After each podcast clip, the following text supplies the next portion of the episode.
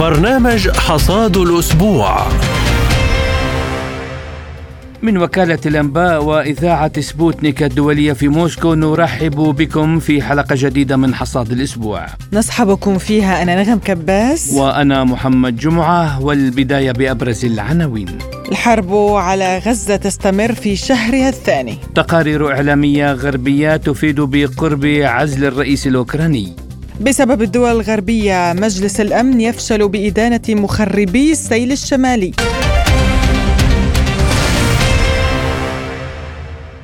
وإلى فلسطين لليوم الرابع والثلاثين يواصل الجيش الإسرائيلي قصفه العنيف برا وبحرا وجوا على قطاع غزة حيث قصف المدارس والمستشفيات والمساجد مستخدما مئات آلاف الأطنان من القنابل الكبيرة والمحرمة دوليا والأسلحة الفتاكة.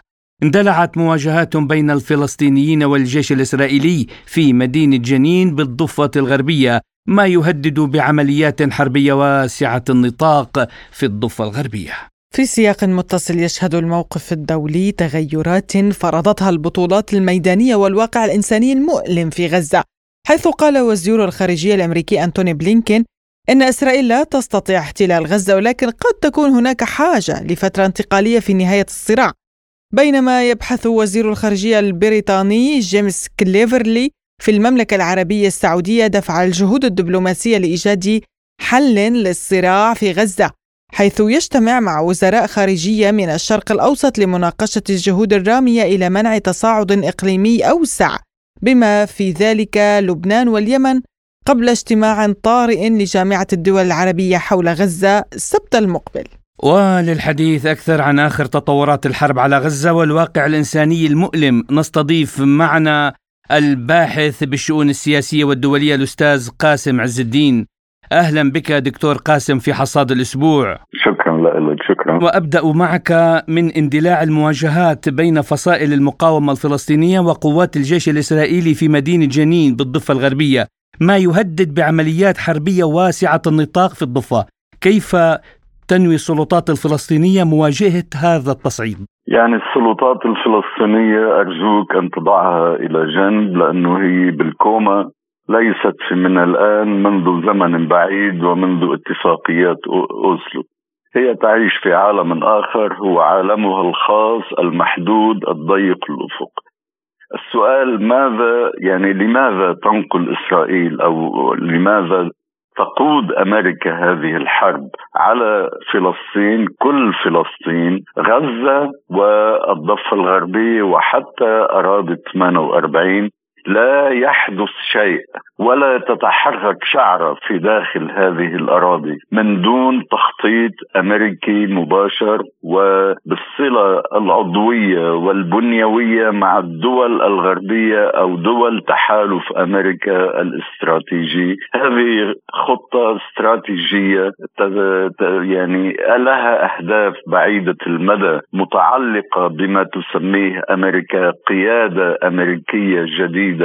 في النظام الدولي أو تجديد القيادة الأمريكية للعالم الهيمنة على العالم والشق الآخر المباشر اليوم يعني بعد المعركة الحرب التي افتعلتها أمريكا في أوكرانيا لخنق أو محاولة خنق الكرملين وعزل روسيا عن الساحة الدولية تستكمل هذه استراتيجية في إطار ما تسميه السعي إلى قيادة العالم في الشرق الأوسط. بدون أدنى شك كان الهدف هو يعني إعادة إحياء إسرائيل المهترئة المتخلخلة أتحدث عن الدولة الإسرائيلية التي بدأت بدأت خلال السنتين الماضيتين أن هذه القاعدة العسكرية الأمريكية والولاية الأمريكية التي اختلقتها أمريكا والدول الغربية في الحرب العالمية الأولى وكرست وجودها بالأمم المتحدة بقرار من الأمم المتحدة أعطتها شرعية في هذه المنطقة لكي تقوم بالدور الأمريكي في منطقة الشرق الأوسط. تزعزع هذا الأمر وانفجر في 7 أكتوبر. تبين أن إسرائيل والمراهنات على إسرائيل بأن تستكمل هذا الدور كلها أحلام عرقوبيه لم تعد قادرة هذه الدولة أن تستكمل ما بدأت به. لذلك تدخلت الولايات المتحدة الأمريكية وأعد جنرالات أمريكيين الخطط العسكرية والخطط التفصيلية ولم تزل غرفه العمليات في القدس المحتلة تدار أو على الأقل يعني بإشراف الجنرالات الأمريكيين وقواعد ميلتا وتزويدها بالبيانات اليومية عبر الأقمار الصناعية وعبر القواعد العسكرية. هناك قاعدة عسكرية بأستراليا مهتمة بشرح وتبيان البيانات بيانات الأقمار الصناعية والقاعدة القواعد التي أنشأتها أمريكا بالبحر المتوسط هي تتابع وتوجه عن كسب وهناك قاعدة سرية أخرى أمريكية في النقب على بعد 35 كيلومتر من غزة. أيضا تشرف وتدير وتخطط. يعني هي إعادة هيمنة وسيطرة للولايات المتحدة على المنطقة ككل ليس فقط على قطاع غزة. يعني هيمنة واضحة أمريكية. هذا هو الواضح هذا هو الواضح وللأسف تغرق الولايات المتحدة والدول الغربية وما يسمى مجتمعها الدولي وشرعيتها الدولية. تغرق هذا تغرق هذا الهدف بتفاصيل بتفاصيل تستدعي الرد وتستدعي النقاشات وإلى آخره. من ضمن مسألة هدى إنسانية اليوم مثلا في باريس هناك اجتماع طويل عريض. تحول لكي تتحول هذه الدول تظهر بمظهر أنها جمعية خيرية تريد إيصال المساعدات إلى غزة وهي عمليا تبحث بإنشاء مستشفيات عائمة في بحر غزة لتفريغ غزة من جهة ولتخفيف الغضب الشعبي الموجود في كل العالم. هذا لا حد لم يسبق. يعني منذ زمن بعيد لم يتحرك الشعب في كل البلدان في العواصم الغربية. باريس أقلها لأن يعني باريس تدخلت وتتدخل اليوم. كل متظاهر بينزل إلى الشارع اولا في ضبط وبيحلوه على المحاكمات بتهمة معاداة السامية وبالخيانه مع الإرهاب وهذا لا يقتصر على المتظاهرين بل على الحركات السياسية أيضا. كتلة كبيرة من النواب في البرلمان فرنسا فرنسا غير الخاضعة لا تشيطنت ووجهت لها الاتهامات بأنها معادية للسامية أو تشجع معاداة السامية وبأنها متآمرة على الإرهاب لأنها قالت أن ما حصل ب 7 أكتوبر هو نتيجة عقود طويلة من الاحتلال الإسرائيلي والبطش والقمع والتطهير العرقي في كل فلسطين. يعني ذكرت حضرتك أيضا المستشفيات الميدانية أن الغرب بدأ يرسل مستشفيات ميدانية مشافي ميدانية إلى غزة. هل هو الهدف يعني تفريغ المستشفيات في قطاع غزة ونقلها كما قلت إلى مناطق عائمة؟ لأنهم لا يريدون هم ماضون. هذه الاستراتيجية ماضية حتى النهاية كما تأمل بالحرب. ولا تريد وقف إطلاق النار. هي تحارب بل تسعى إلى إنشاء تكتل أو تحالف دولي إقليمي كما رأينا يعني في قمة السبع في طوكيو أمس وكما رأينا في جولات بايدن ومبعوثه ومدير الاستخبارات الأمريكية بيرنز. على الدول العربية والمفاوضات والمباحثات التي يجريها. يريدون إنشاء تكتل تحالف دولي إقليمي لاستكمال الحرب وبحجة عدم توسيع الحرب في المنطقة لمواجهة محور المقاومة وكل من يحمل ب... ليس فقط كل من يحمل بندقية. كل من يقول لأمريكا لا هذا هو المخطط وهذه الاستراتيجية التي تسعى إليها الولايات المتحدة بغض النظر إذا كانت قابلة للتطبيق أو غير قابلة للتدقيق. ما يحدث اليوم هو إرث طويل عريض للدول الاستعمارية. قبل أن تبدأ بالحرب تقسم فيما بينها الخرائط خرائط الدول ومن يحكم هذه الدول وما يجب أن تكون عليه هذه الدول. كل ذلك بحجة الأمن والسلام والإزدهار والإستقرار. واسمحي لي ستي هون يعني معلش يعني نعرج على مصائبنا.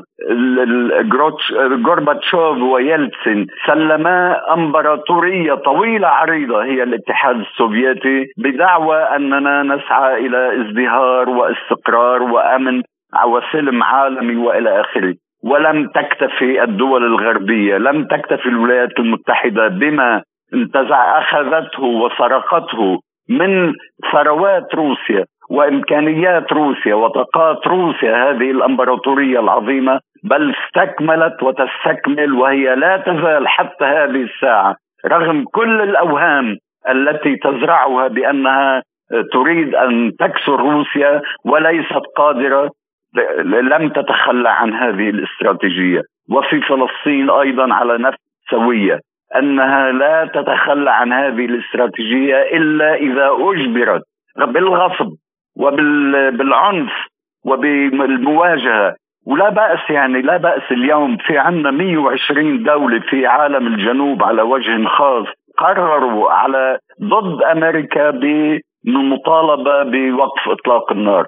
أمريكا وأتباعها مستمرون. هل يمكن أن نكتفي فقط بالدبلوماسية وهنا أنا أتحدث عن دور روسيا. أليست هي فرصة متاحة أمام الرئيس الروسي بوتين وأمام الدولة الروسية أن تستعيد بعض نفوذها بالعمل السياسي ليس فقط بالعمل الدبلوماسي مع هذه الدول لإجبار الولايات المتحدة ولإخضاع الولايات المتحدة إلى الحد الأدنى من الحفاظ على الأرواح ووقف الإبادة الجماعية ووقف التطهير العرقي ووقف كل القتل الذي يجري في غزة وينتقل إلى الضفة الغربية وهم يتوعدون بأن تنتقل هذه المذابح إلى دول الشرق الأوسط بأجمعها وكل من يتحرك سواء في لبنان أو في العراق أو في سوريا أو في كل أو في اليمن والمذبحة لم تتوقف ابدا في اليمن. هذه فرصة مناسبة. للسياسة الروسية لل... آه، فرصة مناسبة للسياسة الروسية و... و... وأيضا للسياسة العربية آه، يعني آه، العرب اليوم أيضا أمام فرصة لحماية أنفسهم الشعوب العربية كلها كلها يعني منغاصة منغاصة الشعوب العربية مما يحدث في غزة لكن الحكومات هي الصامتة. الحكومات صامتة ولكن الشعوب تتحرك. لذلك أنا الشعوب تتحرك والشعوب ليست لا تتحرك فقط بل الشعوب يعني تكاد تنفجر والغضب يقتلها. كل الشعوب شعوب المنطقة العربية الشعوب الإسلامية خذي على سبيل المثال ماليزيا إندونيسيا باكستان حتى أمريكا اللاتينية. في أمريكا اللاتينية وهنا لذلك أنا أقول الدور الأساسي هو لروسيا. اولا لأن الحكومات العربية هم ليسوا فقط أتباع أمريكا هم يبررون لأمريكا ما بالمباحثات. عندما يتحدثون عن وق... عن مطالبتها بوقف إطلاق النار يعني عم بيقدموا لها رسالة إنه إذا بتريدي هن شركائها وهن مفترض إنه مفترض يعني شركاء تبادل ما بيطلبوا منها إنه ما بيوقفوا على الأقل المباحثات إلى أن تقرر الولايات المتحدة وقف إطلاق النار بل على العكس من ذلك. والأدهى والأنكى كلهم بيطرحوا إنه بعد ما نخلص من غزة في شيء اسمه حل الدولتين. 32 سنة من المباحثات والمفاوضات وألف وب وجيم وحا وخا ما بقي منها شيء على الخريطة بل على العكس من ذلك. ما بق ما بقي من كانتونات أو على الأقل بلديات السلطة الفلسطينية وغير السلطة الفلسطينية إسرائيل ذاهبة إلى تدميرها في الخليل. في طول كرم. اليوم في جنين حرب تنقل على جنين وهي يعني تتمدد يوم بعد يوم بالمستوطنين الجدد المتدينين يعني حكم طالبان الجديد في إسرائيل والمستوطنين القدامى الذين احتلوا الأراضي الفلسطينية بال 48 هناك غريزة القطيع في الدولة الإسرائيلية وما يسمى المجتمع الإسرائيلي لأنهم مجتمع مستوطنين مجتمع يعتبرون أنها أصلا طوفان الأقصى جاء ردا على الاستيطان وعلى الهجمات المتكررة على جنين والضفة الغربية. بدون أدنى شك. هذا يعني الاحتلال الاحتلال 75 سنة من الاحتلال من انتزاع الأرض من استعباد الفلسطينيين من سرقة تاريخهم من سرقة ثقافتهم. مش معتبرينهم موجودين. تصوري يا ست البوغروم اللي حصل سواء يعني بالإمبراطورية القيصرية أو بالدول الغربية. هذا تاريخ أوروبا. ما إلى علاقة منطقتنا ما إلى علاقة أمريكا اللاتينية بهالتاريخ. ما إلى علاقه أفريقيا بهالتاريخ ولا آسيا إلى علاقه بهالتاريخ هذا مع تاريخهم هن تاريخهم تاريخ العار بالتطهير العرقي والتطهير الديني يستكملونه اليوم يستكملونه بالتطهير العرقي بفلسطين. وبعدين وين يعني هي قصة فلسطين بس. هاي الدول الاستعمارية ارتكبت نفس المجازر. فرنسا في في في الجزائر. التطهير بالجزائر التطهير العرقي بالجزائر. بريطانيا بنيجيريا أمريكا بكل العالم بدأت ضد الهنود الحمر واستمرت وهي تستمر باستمرار. شو عملت بفيتنام؟ شو عملت بكوريا؟ شو عملت هلا يا ستي شو عم تعمل يعني؟ وهلا شو ما تعمل بأوكرانيا؟ يعني كله هذا واضح إنه إنهاء الشعوب. لذلك نعود إلى الميدان. الآن أستاذ الولايات المتحدة تحاول حرمان حماس من مواردها المالية. هل يمكن أن يؤدي ذلك إلى تفاقم الوضع الاقتصادي أكثر مما هو متفاقم اليوم؟ هن يا أخي بدهم يقضوا على حياتهم. هن مش معتبرينهم موجودين على العكس معتبرينهم الشر المطلق. كل من يحمل بندقية كل من يقاوم كل من يطالب بحق يعتبرون أن هذا الشر المطلق. على العكس بيقولوا لك خذ مثل بيقولوا إنه إسرائيل لها حق الدفاع عن نفسها. شو معناتها هالجملة هاي؟ مش إنه إسرائيل يعني أو الدولة الإسرائيلية بدها تخوض معارك. لازم بالنسبة لهم بما إنه هي لها حق الدفاع عن نفسها لازم كل العالم الحر تبعهم مثل ما بسموه العالم الحر. العالم العالم العبيد إنه يدافعوا عن إسرائيل. فلذلك هن بجندوا كل العالم بشعار مطاط ومضلل. عمليا من مش إسرائيل بدها تدافع عن نفسها. بدها تدافع عن نفسها. شوف شو عم بيعملوا فيها طيب ما أنتم صاركم يعني من 48 بتدعموها وبتنظموها وبتعطوها فلوس واستخبارات وكل الدنيا وبتعملوا لها سياسات وبتعملوا لها استراتيجيات. وهلأ بتيجي بتقولوا بدها تدافع عن نفسها. على فكرة روسيا ذكرت إنه إسرائيل دولة محتلة والمحتل لا يجب أن يدافع عن نفسه. بدون أداء أبسط الأبسط الأشياء بس للأسف الشديد إنه ما يسمى القوانين الدولية وما يسمى الشرعية الدولية هي شرعية أمريكا هي خلقتها وفبركتها وعملت مؤسساتها. هلأ بغض النظر أكيد في ناس شرفة يعني المفوض حقوق الإنسان بنيويورك اللي قدم استقالته رسالته من أهم الرسائل اللي بتبين واللي بيقول فيها إنه أمريكا استولت على كثير من مؤسسات الأمم المتحدة. وما بتتحرك هالمؤسسات. امبارح يعني المندوب الروسي بالأمم المتحدة قال المدعي العام للمحكمة الجنائية الدولية لو في شيء بيخدم أمريكا بساعتين بيتحرك. بينما هلا بقصة فلسطين وبقصة أمام المجازر مش بس ما بيتحرك. ليس له علاقة بل على العكس من ذلك هو بيقدم باسات لتسجل أمريكا وغير أمريكا الأهداف في غزة وفي. في الخليل وفي جنين و... وأيضا عندما انتقد الأمين العام للأمم المتحدة أنطونيو غوتيريش سياسة إسرائيل وقال بأن آه، غزة أصبحت مقبرة للأطفال انتقدوه وطالبوه بالاعتذار ومنعوها أصلا آه، منعوا نائبة من دخول قطاع غزة ليرى بأم عينه ما يحدث هناك. شكرا جزيلا لك نأسف على ضيق الوقت الباحث بالشؤون السياسية والدولية الأستاذ قاسم عز الدين كنت معنا عبر الهاتف. شكرا لك. شكرا. شكرا لكم. شكرا لكم.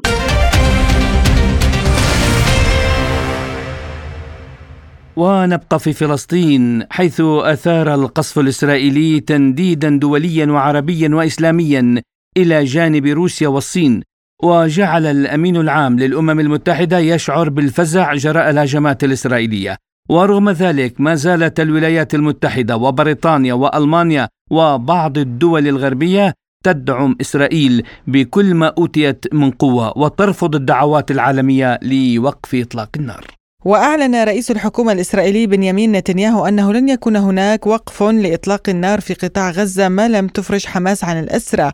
مؤكدا أن إسرائيل تتولى المسؤولية الأمنية بالقطاع بعد الحرب. وعن تصريحات نتنياهو بخصوص تولي إسرائيل المسؤولية الأمنية بالقطاع بعد الحرب ورفض حماس تقديم تنازلات بهذا الصدد تحدث لإذاعة سبوتنيك الخبير بشؤون الشرق الأوسط الدكتور فادي أبو دية طبعا بالبداية الهدف الذي وضعه نتنياهو من ضمن الأهداف التي وضعها هو القضاء على حركة حماس في قطاع غزة. القضاء على حماس يعني إنهاء سلطة حماس في هذه في هذا القطاع وبالتالي فرض سلطة جديده بنموذج جديد ضمن إطار ترضى عنه يرضى عنه هذا الكيان.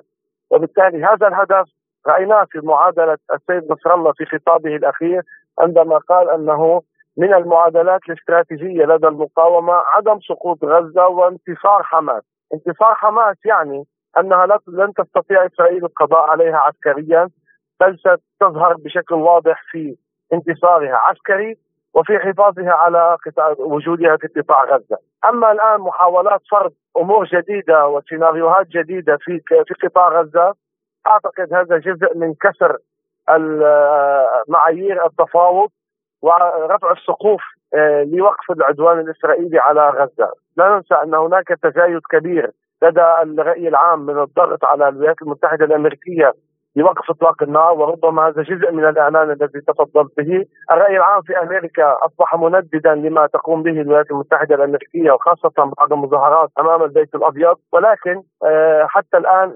السياسة والقادة الأمريكيين يدعمون بشكل مطلق ما تقوم به إسرائيل، وأظن أن آه، المسألة ليست مسألة إطالة أمد الحرب أو قصر أمد الحرب، المسألة مرتبطة بتحقيق الأهداف، إذا تحققت الأهداف التي ينشدونها فأعتقد إنه آه، ربما تتوقف إطلاق النار أو هذه الاعتداءات في اليوم التالي.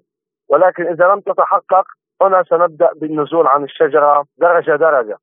وفي ظل الأزمة الإنسانية التي يعاني منها سكان غزة أعلنت دولة الإمارات عن إقامة مستشفى ميداني متكامل داخل القطاع.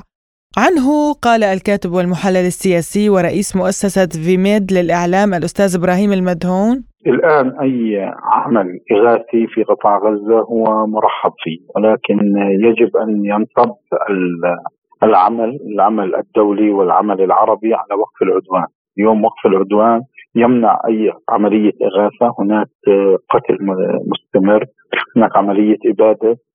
لهذا وقف الإبادة الآن أولوية. لكن أي عملية إغاثة يجب أن تكون سريعة. في ثلاث في ثلاث وسائل. اولا الإغاثة الطبية الإغاثة الإغاثي آه، يعني الإغاثة الاكل والشرب وأيضا الإغاثة في آه، حماية المدنيين. هناك ثلاث أمور يجب أن نتأكد عليهم. مستلزمات الحياة من طعام و وأكل وشرب وأمن. الأمر الثاني الأمر الثاني الإغاثة الطبية. الأمر الثالث الإغاثة إغاثة آه، حماية المدنيين. هذه الأمور يجب أن تكون سريعة.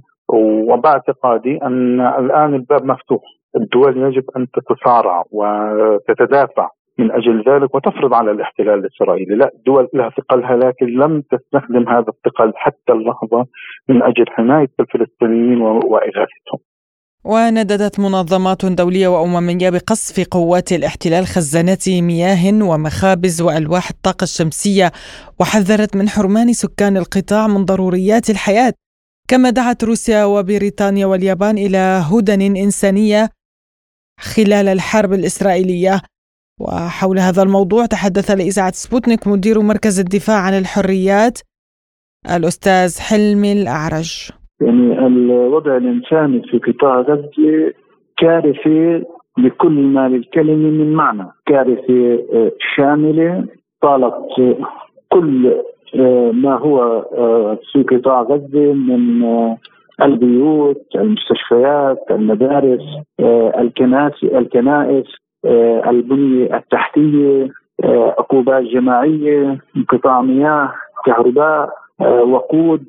توقف المستشفيات عن العمل عدم وجود غذاء مياه ودواء بالإضافة لعدم توفر الادوات الطبية الضرورية من أجل إجراء العمليات الجراحية.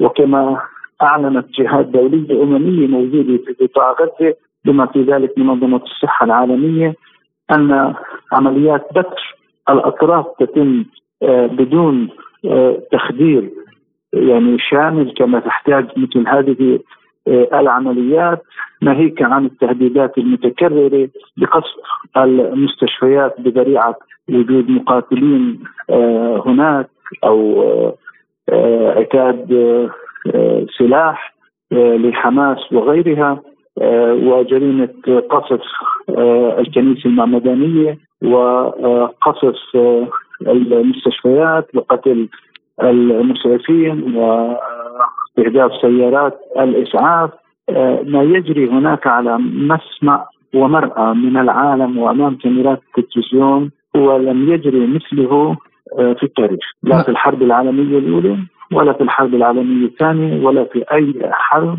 أخرى لاننا أمام حرب اباديه جماعية تطهير عرقي سياسة ارض محروقة تعتمد على طائرات الاف 35 الأمريكية التي ألقت إلى الآن ما يعادل ثلاث قنابل آه، نووية كالتي آه، يعني ألقيت على آه، هيروشيما. وهذا يعني أمر يفوق الخيال وما يقلقنا هذا الانحياز السافر هذه الشراكة التامة في العدوان ما بين آه، الإدارة الأمريكية والدول آه، الغربية خاصة الأربع الكبرى التي أعلنت انحيازها ومشاركتها في العدوان على قطاع شاي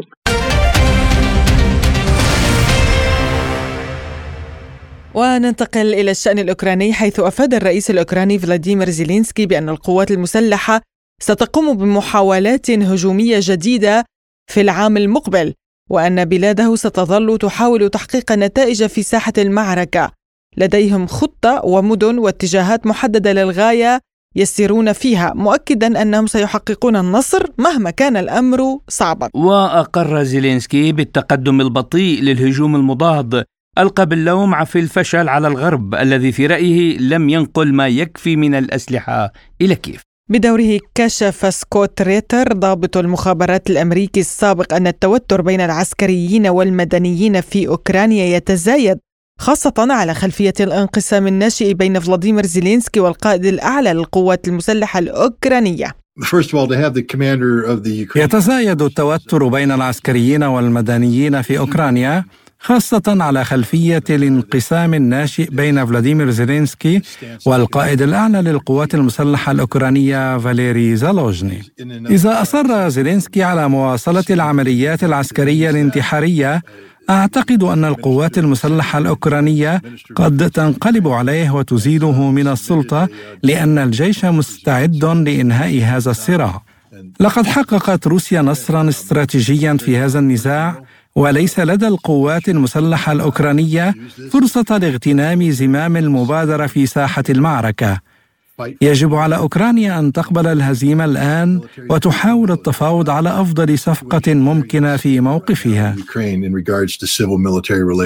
وللحديث عن هذا الموضوع ينضم إلينا عبر الهاتف الباحث بالعلاقات الدولية الدكتور بهاء محمود. أهلا بك دكتور بهاء في إذاعة سبوتنيك. أهلا بحضرتك يعني الولايات المتحدة أنفقت أكثر من 96% من مخصصات أوكرانيا للمساعدات والأسلحة. يعني لم يتبقى إلا 4% من مخصصات أوكرانيا. هل هذا سيؤدي إلى وقف الدعم الأمريكي لكييف تماما بحلول العام المقبل خاصة إذا رفضت أوروبا الاستمرار بدفع هذه الفاتورة؟ في اعتقادي آه، المسألتين هناك سوف يكون الدعم لديهم آه، فيهما مستمر مسألة أوكرانيا ومسألة غزة لأنه الأهداف الخاصة بأمريكا ومصالحها مرتبطة بالمسألتين. من جانب أوكرانيا لأنه تعتبر الخلاص من روسيا أو هزيمة روسيا في الحرب هدف استراتيجي ومن ثم دعم أوكرانيا حتى لو يعني تعلن شبهات فساد فيما يتعلق بالإنفاق الخاص بهذه المخصصات ويعني أيضا مع ضغوط داخلية وانقسام بين الجمهوريين والديمقراطيين حول كيفية الإنفاق وحجمه وهكذا. لكن يظل الهدف الرئيسي من الخلاص من روسيا امرا حيويا لأن لأنه الآن المعركة الدولية الخاصة بالتنافس مبنية على الصين وروسيا. عندما نتخلص من روسيا يتبقى الصين والصين ليس الآن في آه، هناك قدرة على مواجهتها لا من الجانب الاقتصادي ومن الجانب العسكري. الصين ليست منغمسة عسكريا في أي تدخلات وبالتالي القوى العسكرية اللي موجودة الآن على الساحه التي آه، يعني تطمح أمريكا في الخلاص منها هي روسيا خاصة في ظل إن يعني آه، حوالي ما يقرب من عامين الآن على وجود الحرب دون انتهائها لصالح الاوكران مع كل الدعم الغربي. وفي نفس الوقت روسيا متواجدة في أماكن كثيرة حاليا في العالم ولم تفلح العقوبات حتى هذه اللحظة على القضاء عليها اقتصاديا أو حتى إبعاد عنها الدول. ومن ثم طبيعي جدا أن يكون آه، مسألة الدعم مسألة أساسية. ربما يكون من حين لآخر هناك آه، أزمات فيما يتعلق بتوقيت الإنفاق آه، توقيت الموازنة توقيت يعني التوافق عليها بين الجمهوريين والديمقراطيين آه، العام القادم هو آه، يعني توهج الانتخابات الأمريكية. ومعرفة من سوف يترشح من الجانبين تحديدا ومن هو رهان السباق الحقيقي ومن ثم هناك قضايا يجب أن تستمر كرهان انتخابي غزة أساسي أوكرانيا من قبلها وبالتالي لا أعتقد انه انفاق سوف يقف العام القادم ربما فقط يعني يتعطل لبعض الأوقات. نعم دكتور بهم.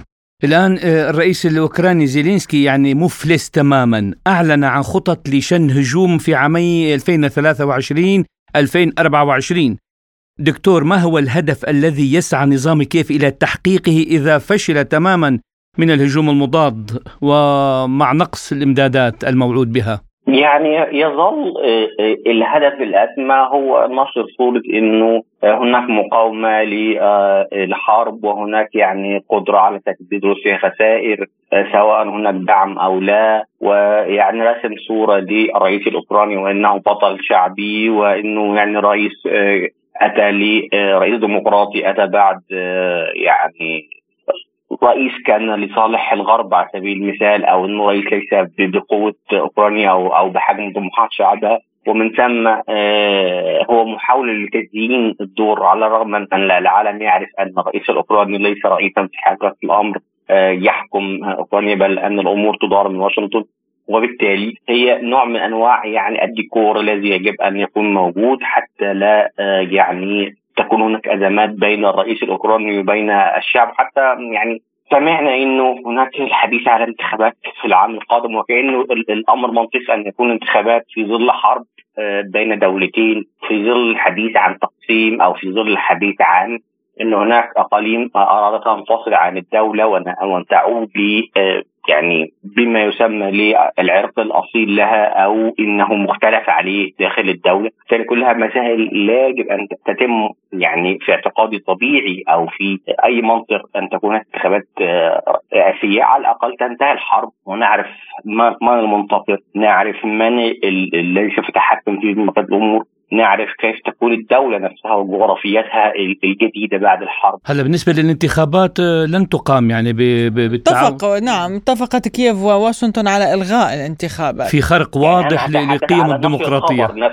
أه أنا أتحدث عن نشر الخبر يعني ما توقيته بغض النظر عن إنه منطقة ولا لا لكن فكرة عرض الخبر يعني يأتي في وجهة نظري مع فكرة عدم المنطقية في حالات كثيرة يعني كيف كيف دولة تحارب باسم الديمقراطية الغربية والديمقراطية الليبرالية وتلغي الانتخابات. وفي نفس الوقت هناك الأهم من إلغاء الانتخابات هناك شبهات فساد حقيقية فيما يتعلق بالجيش الأوكراني واستغلاله وإنه الرئيس نفسه عندما أتى آه، يعني قبيل الحرب أتى بالبعض المعاونين المنسوبين بحقيقه الأمر لقضايا فساد ثم أتى بهم كمعاونين له أو مستشارين. ثم أيضا الأمر لم يتوقف عند ذلك بل استمر حتى هذه اللحظة البعض منهم أو معظمهم تقريبا يعني متهمين بقضايا فساد وتم استغلال آه، يعني سلطتهم ونفوذهم في ما يخص التمويل الغربي سواء كان يعني حتى الغرب ذكر هذا الموضوع بتقاريره الإعلامية إنه سئم من فساد أوكرانيا يعني الفساد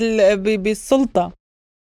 والأسوأ من ذلك هو ما نشر منذ على لسان المفوضية الأوروبية بأنه أن تقرير فون دير لاين إنه آه الآن يجب أن يكون المفاوضات مع مع أوكرانيا على الرغم أنها أوكرانيا ليست أفضل حالا من الجبل الأسود أو من تركيا أو أو من ألبانيا أو أقصد أي باقي الدول الأخرى التي بالفعل أو يعني أفضل حالا سواء من تقارير مكافحة الفساد سواء من القاعدة المعروفة إنه ليس هناك لا يجب أن ينضم الاتحاد الأوروبي دولة لديها نزاعات عسكرية.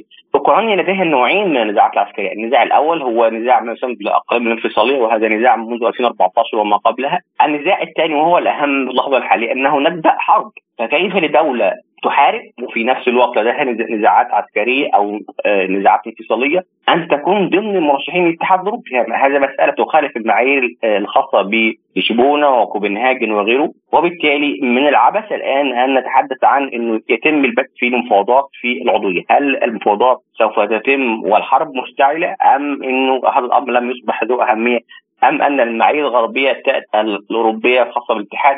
هي فقط معايير توظف على حسب الحالة. خاصة خاصة وأن اليوم الغرب يعني لا يريد تهدئة الجبهة الأوكرانية لأنه الأمين العام لحلف الناتو ستولتنبرغ آه، طلب من دول الحلف أن تستمر بدعم كييف بشتى الطرق والوسائل لأن بعض الدول الأوروبية آه، طالبت بوقف تزويد آه، أوكرانيا بالأسلحة. لأنه المعركة مسألة حياة أو موت. إما أن تكون هناك ديمقراطية واحدة وهي الديمقراطية الغربية أو الليبرالية أو النموذج الأمريكي أوروبي وإما أن تكون هناك تعددية عالمية فيها أوزان نسبية واضحة وصريحة للصين والهند وروسيا ترفضه أمريكا بغض النظر عن موقف الاتحاد الأوروبي الذي في الذي هو في الأول والاخر هو موقف تابع وموقف يعني تهيمن عليه القاعده العسكريه الأمريكية الموجوده في أهم دوله ويهيمن عليه أيضا إنه آه، من يتحكم في الناتو هو في حقيقه الامر هو أمريكا في في الأول والآخر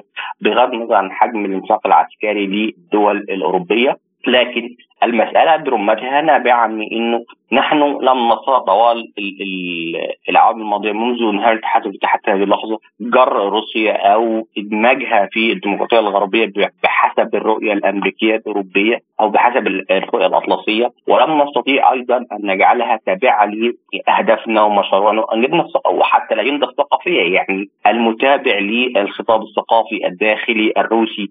والذي جزء منه آه، يرسم العلاقات الدولية يجد أن روسيا لا تتدخل في الشؤون الداخلية فيما يخص الثقافة اليومية للمواطنين في الدول حلفائها لا تتدخل في طبيعة العلاقات بين البشر، لا تتدخل في في إجبار الدولة على أن تكون لها نموذج ديني معين بحيث إنه لم نجد روسيا في علاقتها مع ليبيا آه، مع مصر مع آه، الدول الافريقيه تحدد لهم أجندة ثقافيه تقول لهم افعلوا كذا والا سوف نقطع علاقتنا معكم، افعلوا كذا والا سوف نتدخل، روسيا لا تفعل ذلك، هذا النموذج يعني على سبيل المثال نقارن ما بين مسألتين. مسألة أنه الأحزاب المحافظة الأوروبية عندما ترفض المثلية وترفض آه، الإجهاض أو غيره تجد في المقابل يعني آه، يقال عليها أنها أحزاب شعبوية ومتطرفة وغيره. النموذج الطبيعي للحياة الطبيعية والتي لا تجبر أحد على سلك نموذج آخر هو نموذج عدم دعم المثلية أو نموذج الزواج بين المرأة والرجل وحتى لو هذا من باب الحرية الشخصية هل من باب الحرية الشخصية أن نفرض عليك نموذج اخر الحرية تقول الا تفرض علينا هذا النموذج. وهم حاولوا فرض هذا النموذج على روسيا ولكن روسيا سنت قوانين حاسمه بهذه المسألة. حاسمه لأنه طبيعة الحرية تتطلب إنه لا تفرض علي نموذج.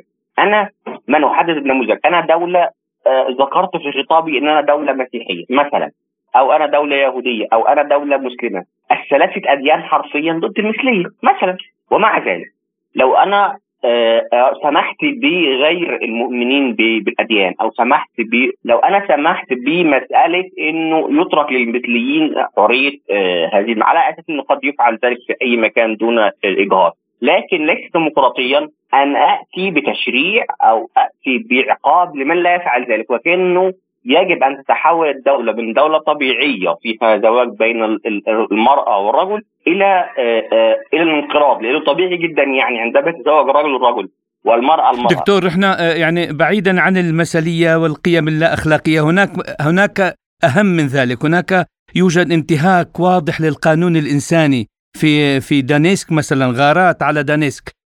هل ستقوم منظمات حقوق الإنسان والمجتمع الدولي بالتحقيق في هذه الهجمات وغيرها طبعا من الجرائم التي ترتكبها كييف ضد المدنيين؟ بالطبع لا آه، القانون الدولي هو أكذوبة يتم ترويجها عندما نكون هناك دولة ما عدوة أو غير متحالفة مع الأمريكان والأوروبيين ثم نأتي بمصطلحات من آه، القانون آه، نقول أنه يجب توقيع العقوبة على الدولة الفلانية ننتهك القانون الدولي. لكن عندما تضرب آه، الدول بالنووي لن نتحرك عندما تضرب غزة بما يفعل لن نتحرك عندما تقوم اوكرانيا باستعمال أي نوع من الأسلحة ومعه الاعطاء الغربي لن نتحرك لأن القانون الدولي ليس للعالم كله، القانون الدولي هو مصطلح يتم استخدامه أو بمعنى صحيح هي إحدى أدوات توظيف الهيمنة الغربية على العالم وعقوبته على سلوكه أي يعني إسرائيل استخدمت الفوسفور ب قنابل فوسفورية بغزة وأوكرانيا استخدمت القنابل العنقودية آه، ضد دنباس. وفي كلا الحالتين لم نرى أي تعليق لهذا ال... ولو استخدمت النووي لن يتدخل أحد. يعني لو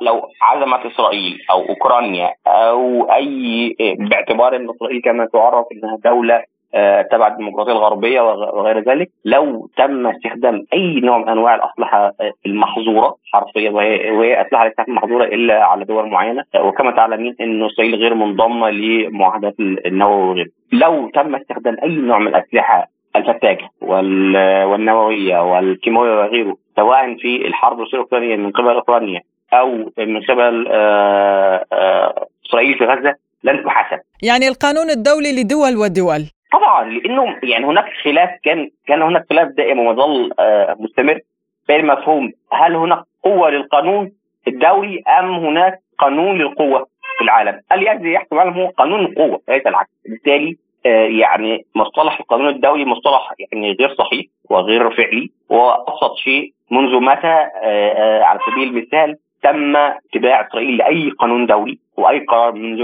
منذ قرار 242 أو غيره. هو في الزاوية الأخرى هل الولايات المتحده الامريكيه عندما تغزو أي دولة في العالم هل يكون لها شرعية قانونية؟ بالعكس عندما كانت تعترض الأمم المتحدة على أمريكا كانت تفعل كما تريد. ومثال العراق واضح مثال ضرب دول أخرى في المنطقة مثال حربها مع أفغانستان وغيره يعني. بالتالي الأمم المتحدة مجلس الأمن لولا وجود يعني صوتين الصين وروسيا في كثير من الأحيان لكان هناك شرعية دولية تفتك بمعظم دول العالم التي تعارض أمريكا بأي قرار يعني وهذا الأمر واضح في كثير من القرارات يعني بالتالي لن يكون هناك أي عقاب لأنه من يعاقب؟ هل أمريكا سوف تسمح في مجلس الأمن بالتوافق بالموافقة على وجود مساءلة أو محاسبة أو حتى وهذا تماما ما حدث سيدي الكريم في جلسة أمس في مجلس الأمن عندما طالبت روسيا بإدانة من فجر السيل الشمالي لكن مجلس الأمن فشل فشلا ذريعا بإصدار بيان حول هذا الموضوع أو إدانة آه هذه الدول. نعم الباحث بالعلاقات الدولية الدكتور بهاء محمود كنت معنا ضيفا عزيزا في حصاد الأسبوع. شكرا لكم على هذه المداخلة. شكرا جدا. ملفنا التالي عن الجلسة التي عقدها مجلس الأمن الدولي بطلب من روسيا حول تفجير السيل الشمالي حيث أعلن مندوب روسيا الدائم لدى الأمم المتحدة فاسيلي نبينزيا أن عددا من الدول الغربية في مجلس الأمن الدولي عارضت الدعوة لمعاقبة مدبري تفجير خطوط أنابيب الغاز السيل الشمالي. قائلا إنه خلال جلسة يوم السادس والعشرين من سبتمبر أعلنا أننا نعتزم اقتراح إصدار بيان لرئيس مجلس الأمن. كان من شأنه أن يوجه إشارة قوية حول عدم جواز الهجمات ضد البنية التحتية الكبيرة للنفط والغاز تحت المياه وكذلك ضرورة محاسبة مدبري ومنفذي ذلك التفجير. هذا الموقف لم يشاطرنا إياه جميع أعضاء مجلس الأمن وبالتالي لم يحظى مشروع البيان بالإجماع. وأضاف نيبينزيا أن روسيا قلقة إزاء عدم وجود أي معلومات محددة بشأن التحقيقات التي تجريها الدنمارك وألمانيا والسويد وأن الدول الغربية رفضت إدراج الدعوة للدول الثلاث المذكورة إلى إتمام التحقيقات على وجه السرعة في نص البيان. كذلك كانت تصر على إزالة الدعوة للدول الثلاث إلى أن تتعاون مع روسيا ما يثير استغرابنا أكثر هو أن بعض الزملاء الغربيين اقترحوا إزالة البند حول ضرورة محاسبة ومعاقبة المسؤولين عن العمل الإرهابي الذي استهدف السيل الشمالي وللمزيد حول هذا الموضوع ينضم إلينا عبر الهاتف الخبير في الشأن الأوروبي الأستاذ طارق عجيب. أهلا بك أستاذ طارق في برنامج حصاد الأسبوع ونبدأ من هذه الدول الغربية التي أعاقت اتفاق مجلس الأمن على نص بيان حول تفجير السيل الشمالي أو إدانة المجرمين، لماذا يعطي مجلس الأمن هذا الغطاء للفاعلين برأيك؟ الحقيقة الشيء المؤسف جدا أنه لا تزال أوروبا تتمسك بعناد شديد بمنطقها الاستعماري القديم وبمنطق العدائية لروسيا ولكل آه، يعني هذا الحلف أو هذا المحور الذي يعني يختلف مع محور الغربي على أسس أخلاقية وقانونية وشرعية. يعني نجد نحن أن آه، أوروبا رغم أنها متضررة من هذا التفجير ومن هذه العملية الإرهابية خلينا نسميها بكل ما الكلمة معنى إلا أنها لا تتخلى عن يعني موقفها العدائي ضد روسيا ولا تتخلى عن مشروعها الاستعماري العام الذي يريد أن يهيمن ويسيطر على العالم وإن كان على حساب مثلا شعوبها أو حساب حتى بعض الاقتصادات التي قد تتضرر من هكذا عمليات لصالح الأمريكي والمشروع الأمريكي الغربي الذي تمحور في حلف الناتو أو كل يعني حول حلف الناتو وليس فقط حلف الناتو، يعني هذا الصراع هو مؤسف حقيقة والمؤسف أن ما نعول عليه في الكرة الأرضية في العالم كله آه، أن يكون هو مرجع لإحقاق الحقوق ولتحقيق العدالة الدولية ولتطبيق النظام على كل النظام والقانون الدولي على كل الدول وهو مجلس الأمن أن يكون بهذه آه، بهذه الذهنية التي تدار من قبل الدول الغربية بأنه يمنع آه، الوصول إلى حقيقة، يمنع الوصول إلى سلام، يمنع الوصول إلى آه، أمن واستقرار في العالم وإنما يؤيد بشكل آه، مقصود جهات معينه تعمل على تقويض النظام العالمي بشكله الحقيقي والمطلوب إلى وبقائه ضمن النظام العالمي القديم المعتمد على القطب الواحد الأمريكي الذي يحقق فقط سياسات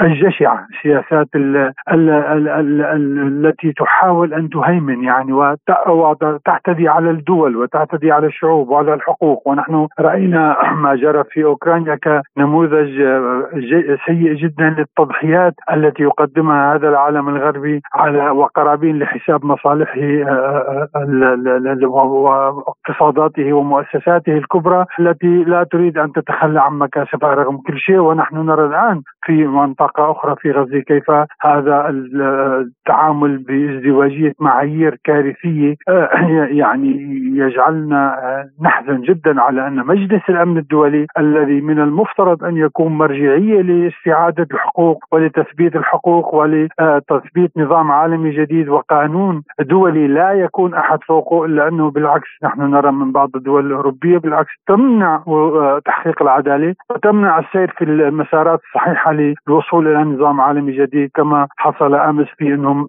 لم يسمحوا أو لم يوافقوا على انه التقديم أو الوصول إلى من قام بهذه التفجيرات وكان واضح منذ البداية من قام بهذه التفجيرات ومن هو المستفيد إلا أن الدول الكثير الأوروبية لم تقبل بالعكس هي قدمت يعني يعني تنازلت عن حقوق لها ومكاسب لها ولدولها لحساب الأمريكي ومشروعه في العالم. نيبينزيا اعترض على إخفاء التحقيقات التي تجريها الدنمارك والسويد وألمانيا، ما سبب عدم إطلاع أحد على مجريات التحقيق برأيك؟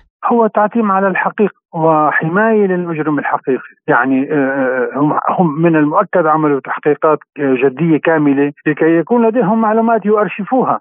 أو ليكون هناك آه، إمكانية في هذه التحقيقات لإخفاء أدلة وأثباتات أمام الجهات إن كان هناك جهات قادرة على الاستفاده من هذه الأدلة والإثباتات لمعاقبة أو محاسبة خلينا نقول المجرم الحقيقي، لأنه في تواطؤ واضح بين الغرب يعني الاتحاد الأوروبي والغرب آه، بشكل عام مع الأمريكي. وأيضا يعني غير التعاطف وهذا الذي يعني يأتي تحت مظلة الذهنية الواحدة الذهنية الاستعمارية ذات المنطق الهيمني على العالم والسيد الأمريكي والغربي بهذا المعنى إلى حد كبير. إلا أنهم أيضا هم ليسوا أصحاب سيادة. يعني معظم هذه الدول رغم كل ما يعني في الظاهر تظهر أنها دول كبرى ودول العالم المتقدم والمتحضر والقانوني الا انها في النهاية خاضعة للسيد الأمريكي وخاضعة للمؤسسات الكبرى التي أيضا تدير الأمريكي وغيره لكي تقوم بمخالفة شعاراتها وأسس الدول التي قامت عليها كالحرية والقانون والمساواة والعدل لصالح الأمريكي وتقوم بتعطيل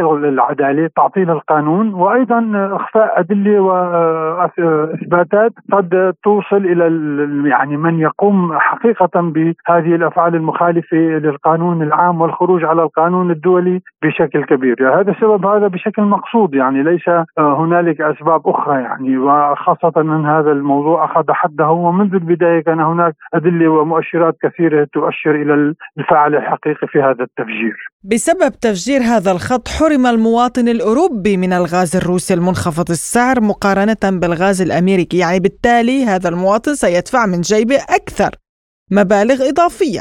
هل يمكن أن تشكل الشعوب الأوروبية اليوم ضغطا على آه، قرارات الحكومات التابعة أمريكا. حقيقة يعني هذا الشيء المؤسف ولكن المؤسف أكثر أنه أصبحت هذه المؤسسات من من من الشراسة ومن الصلافة كما يقال يعني تعاملهم الصلف مع الشعوب بحيث لا لا تهتم لرأي الشعوب يعني تهتم آنيا كيف تعمل على استيعاب غضب الشعوب أو على توجيه الرأي العام أو على خداع الرأي العام بانه هناك صناعة آه، تخوف كبير أو أنه عدو كبير أو انه هناك شيء آه، يرعب الشعوب بانه روسيا أو أي دولة أخرى نحن نفعل ذلك لكي لا يكون هناك مثلا خطر كبير يعني يعني يصنعون خطر كبير في ذهنية الشعوب لكي يجعلوهم يعني يتقبلون على مضض. آه، هذه الإجراءات وهذه القوانين إضافة إنه كما ذكرت أن هذه الدول وهذه الذهنية هي ذهنية استعمارية يعني لا يهمها الشعوب لا يهمها الضحايا لا يهمها آه، يعني المعيشة يعني كيف يكون هذه الشعوب كيف تعيش كيف تؤمن احتياجاتها مستلزماتها لديها سياسة استعمارية لديها سياسة واضحة وذهنية واضحة بأنها يجب أن تكون هي لا تخسر الهيمنة أو مكاسبها الكبرى الخبرة التي تحصل عليها من هذه السياسات على مدى عقود طويلة وقرون طويلة أنه الأمريكي والأوروبي والفكر الاستعماري هو الذي يهيمن على الأرض. فأعتقد للأسف لا يقيمون وزنا آه، بالشكل الحقيقي. يعني في في في في العمق لا يقيمون وزنا لرأي الشعوب. فقط في الظاهر. كما نحن مثلا ذكرت منذ قليل أن أوروبا كلها تقوم على مجموعة من شعارات العدل والحقوق والحرية والمساواة هذا كله في الشعارات موجود. ولكن عند تطبيق الحقيقة ورأينا في أزمات العالم كله أن الغربي والأمريكي لا يفكر إلا في مصلحته إن كان في ليبيا إن كان في أفغانستان كان في العراق كان في فيتنام إن كان في كل المناطق التي وفي سوريا وفي أوكرانيا. كل المناطق أو كل الأزمات على مر التاريخ لم يكن الأوروبي يلتزم على الإطلاق بالشعارات المرفوعة. كان يقول هناك مثلا آه، تهديد للأمن القومي تهديد لأوروبا تهديد للحريات تهديد للديمقراطية. بالعكس يستخدم هذه الشعارات التي يرفعها على أنها أصبحت مهددة. يعني هذه مثلا الحرية والديمقراطية تهددها الحرية والديمقراطية، يعني مفارقة عجيبة أحيانا في الطروحات وبالنهاية لا يهتمون لأن هناك سياسات يعني يريدون تنفيذها ويريدون تثبيتها وتكريسها على العالم ولا يريدون على الإطلاق أن يعني تصل هذه الحقوق والحريات والشعارات المرفوعة إلى الشعوب، بالعكس يجب أن تبقى بيد المنظومات الحاكمة والمؤسسات الكبرى والدول الكبرى التي تهيمن على العالم منذ عقود طويلة ولا تريد التخلي بأي شكل من الأشكال ولو على حساب الشعوب عن هذه السيطرة وهذه الهيمنة. الخبير في الشأن الأوروبي طارق عجيب شكرا لك على هذه المداخلة.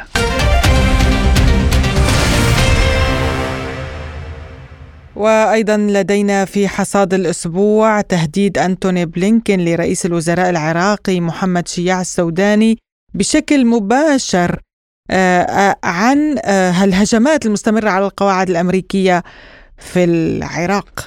حول هذه الهجمات الانتحارية التي تستهدف القواعد الأمريكية في العراق وسوريا في سياق الرد على الحرب في غزة تحدث لإذاعة سبوتنيك الخبير العسكري والاستراتيجي مدير مركز الاعتماد للدراسات السياسية والاستراتيجية اللواء الركن الدكتور عماد علو. بالتأكيد يعني هذه الهجمات هي كما أعلنت بيانات لعدد من القصائد فصائل المقاومة الإسلامية بأن هذه الهجمات هي تستهدف آه، مصالح الولايات المتحدة والقوات الأمريكية في العراق وفي سوريا أيضا. بسبب مساندتها ودعمها ومشاركتها في العدوان آه، الإسرائيلي على آه، قطاع غزة. ولذلك في الأسبوع الماضي آه، تم الإعلان من قبل أحد قادة هذه الفصائل وهو أبو علي العسكري بأن هذا الأسبوع أو الأسبوع المقبل سيشهد مرحلة جديدة من التصعيد ضد القوات الأمريكية والموجودة في العراق وفي سوريا. وبالفعل لاحظنا أن هناك زيادة في آه، هذه العمليات يعني خلال ال 48 ساعة الماضية كان هناك أكثر من ستة عمليات استهدفت قواعد للقوات الأمريكية في العراق وفي سوريا.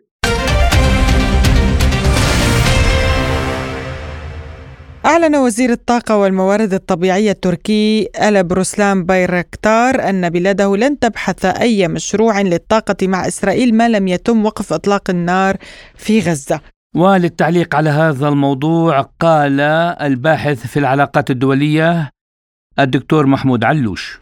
من المعروف أن الحرب الإسرائيلية على قطاع غزة فرضت تعقيدات كبيرة على العلاقات التركية الإسرائيلية لا سيما بعد إعادة إصلاحها في الآونة الأخيرة. وهناك توتر آه، كبير في العلاقات اليوم بسبب الموقف من الحرب. آه، لكن عموما يعني ما يمكن استخلاصه من التحركات التركية أنه تركيا تحاول أن توازن بين إظهار المعارضة القوية لهذه الحرب والتنديد بإسرائيل بشكل واضح من جهة. وبين تجنب أن تؤدي التوترات الجديدة اليوم مع تل أبيب إلى انهيار دبلوماسي كامل في العلاقات. بالإضافة إلى السقف السياسي هناك بعض الخطوات يعني السياسية المهمة لكنها تبقى متواضعة. يعني اتخذتها تركيا كرد على هذه الحرب منها إلغاء زيارة كانت مقررة للرئيس إردوغان إلى إسرائيل وأيضا كان هناك زيارة لوزير الطاقة التركي إلى إسرائيل. وما تحدث عنه الوزير التركي مؤخرا عن آه، تعليق مشروع التعاون بين إسرائيل وتركيا في مجال تصدير الغاز الإسرائيلي إلى أوروبا عبر الأراضي التركية، وهذه الخطوات يعني تحاول تركيا أن تستخدمها كوسيلة ضغط على آه، إسرائيل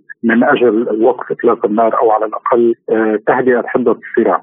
لكن عموما آه، أستطيع أن أقول بأنه في ظل هذه الحرب من غير المتوقع بطبيعة الحال أن نشهد علاقات طبيعية بين تركيا وإسرائيل، أنا تقديري هذه العلاقات لم تصل إلى مستوى الانهيار آه، في الوقت الراهن، لكن على الأقل هناك آه، ما يمكن أن نسميه بمرحلة من التجميد بسبب هذه الحرب، وهذا لا يقتصر فقط على حاله تركيا، يعني نحن نشهد أيضا أنه كيف أدت هذه الحرب إلى آه، تجميد مساعي التطبيع بين السعودية وإسرائيل وسطا، وبالتالي في ظل الحرب الراهنة أعتقد بانه العلاقات التركية الإسرائيلية دخلت مرحلة من التجميد. وعن تداعيات إنهاء مشاريع الطاقة مع إسرائيل على الاقتصاد التركي يقول علوش نحن لا نتحدث حاليا عن إلغاء نتحدث عن تجميد يعني هو عمليا ما يحصل الآن هو تجميد مشاريع التعاون وتعليق بعض اتفاقيات التعاون في مجال الطاقة وليس الغائها بشكل كامل على افتراض تركيا أنه بعد هذه الحرب آه، يمكن أن تستأنف يستأنف التعاون من جديد. لا شك أنه الحرب لديها تكلفة باهظة على تركيا. آه، إن على المستوى السياسي وحتى يعني هناك تكلفة اقتصادية بمعنى انه اليوم هذا الموقف التركي الواضح المعارض للحرب الإسرائيلية على قطاع غزة. آه، يؤدي إلى زيادة التوترات في علاقات تركيا مع إسرائيل وأيضا مع الدول الغربية. وهذا بطبيعة الحال ينعكس بشكل سلبي على جهود تركيا من أجل تحسين العلاقات مع الغرب ومع القوى الفاعلة في المنطقة التي فيها إسرائيل. من أجل يعني دعم خطتها وإنجاح خطتها الاقتصادية الجديدة، لكن آه عموما يعني هناك أولويات اليوم. بالنسبة لتركيا في المنطقة والأولوية الرئيسية الآن هي التحرك من أجل إنهاء المأساة الإنسانية في قطاع غزة، يعني وزير الطاقة التركي عندما تحدث عن موضوع الاتفاقيات الطاقة مع إسرائيل قال بأنه أولويتنا الآن هي إدخال المساعدات والوقود إلى قطاع غزة من أجل الحد من المأساة الإنسانية. أنا تقديري إنه وهذا ربما يفسر جانب مهم من الموازنة التي تحدثت عنها في فيما يتعلق بموقف تركيا انه تركيا يعني من أيضا تريد أن تتجنب توترات إضافية في العلاقات مع الغرب تنعكس بشكل سلبي على الوضع الاقتصادي يعني الصعب من اساسه في الوقت الراهن، لكن قدرة يعني في النهاية مدى تأثير هذه الحرب على الاقتصاد التركي يتوقف بشكل أساسي على الآفاق هذه الحرب ومسارات هذه الحرب. لا شك انه هذه الحرب كلما استمرت لفترة أطول كلما تزايدت مخاطرها على مستوى الانتشار في الإقليم كلما كانت العواقب أكثر على دول المنطقة. نهاية حلقة اليوم من حصاد الأسبوع قدمناها لكم. أنا نغم كباس وأنا محمد جمعة. إلى اللقاء.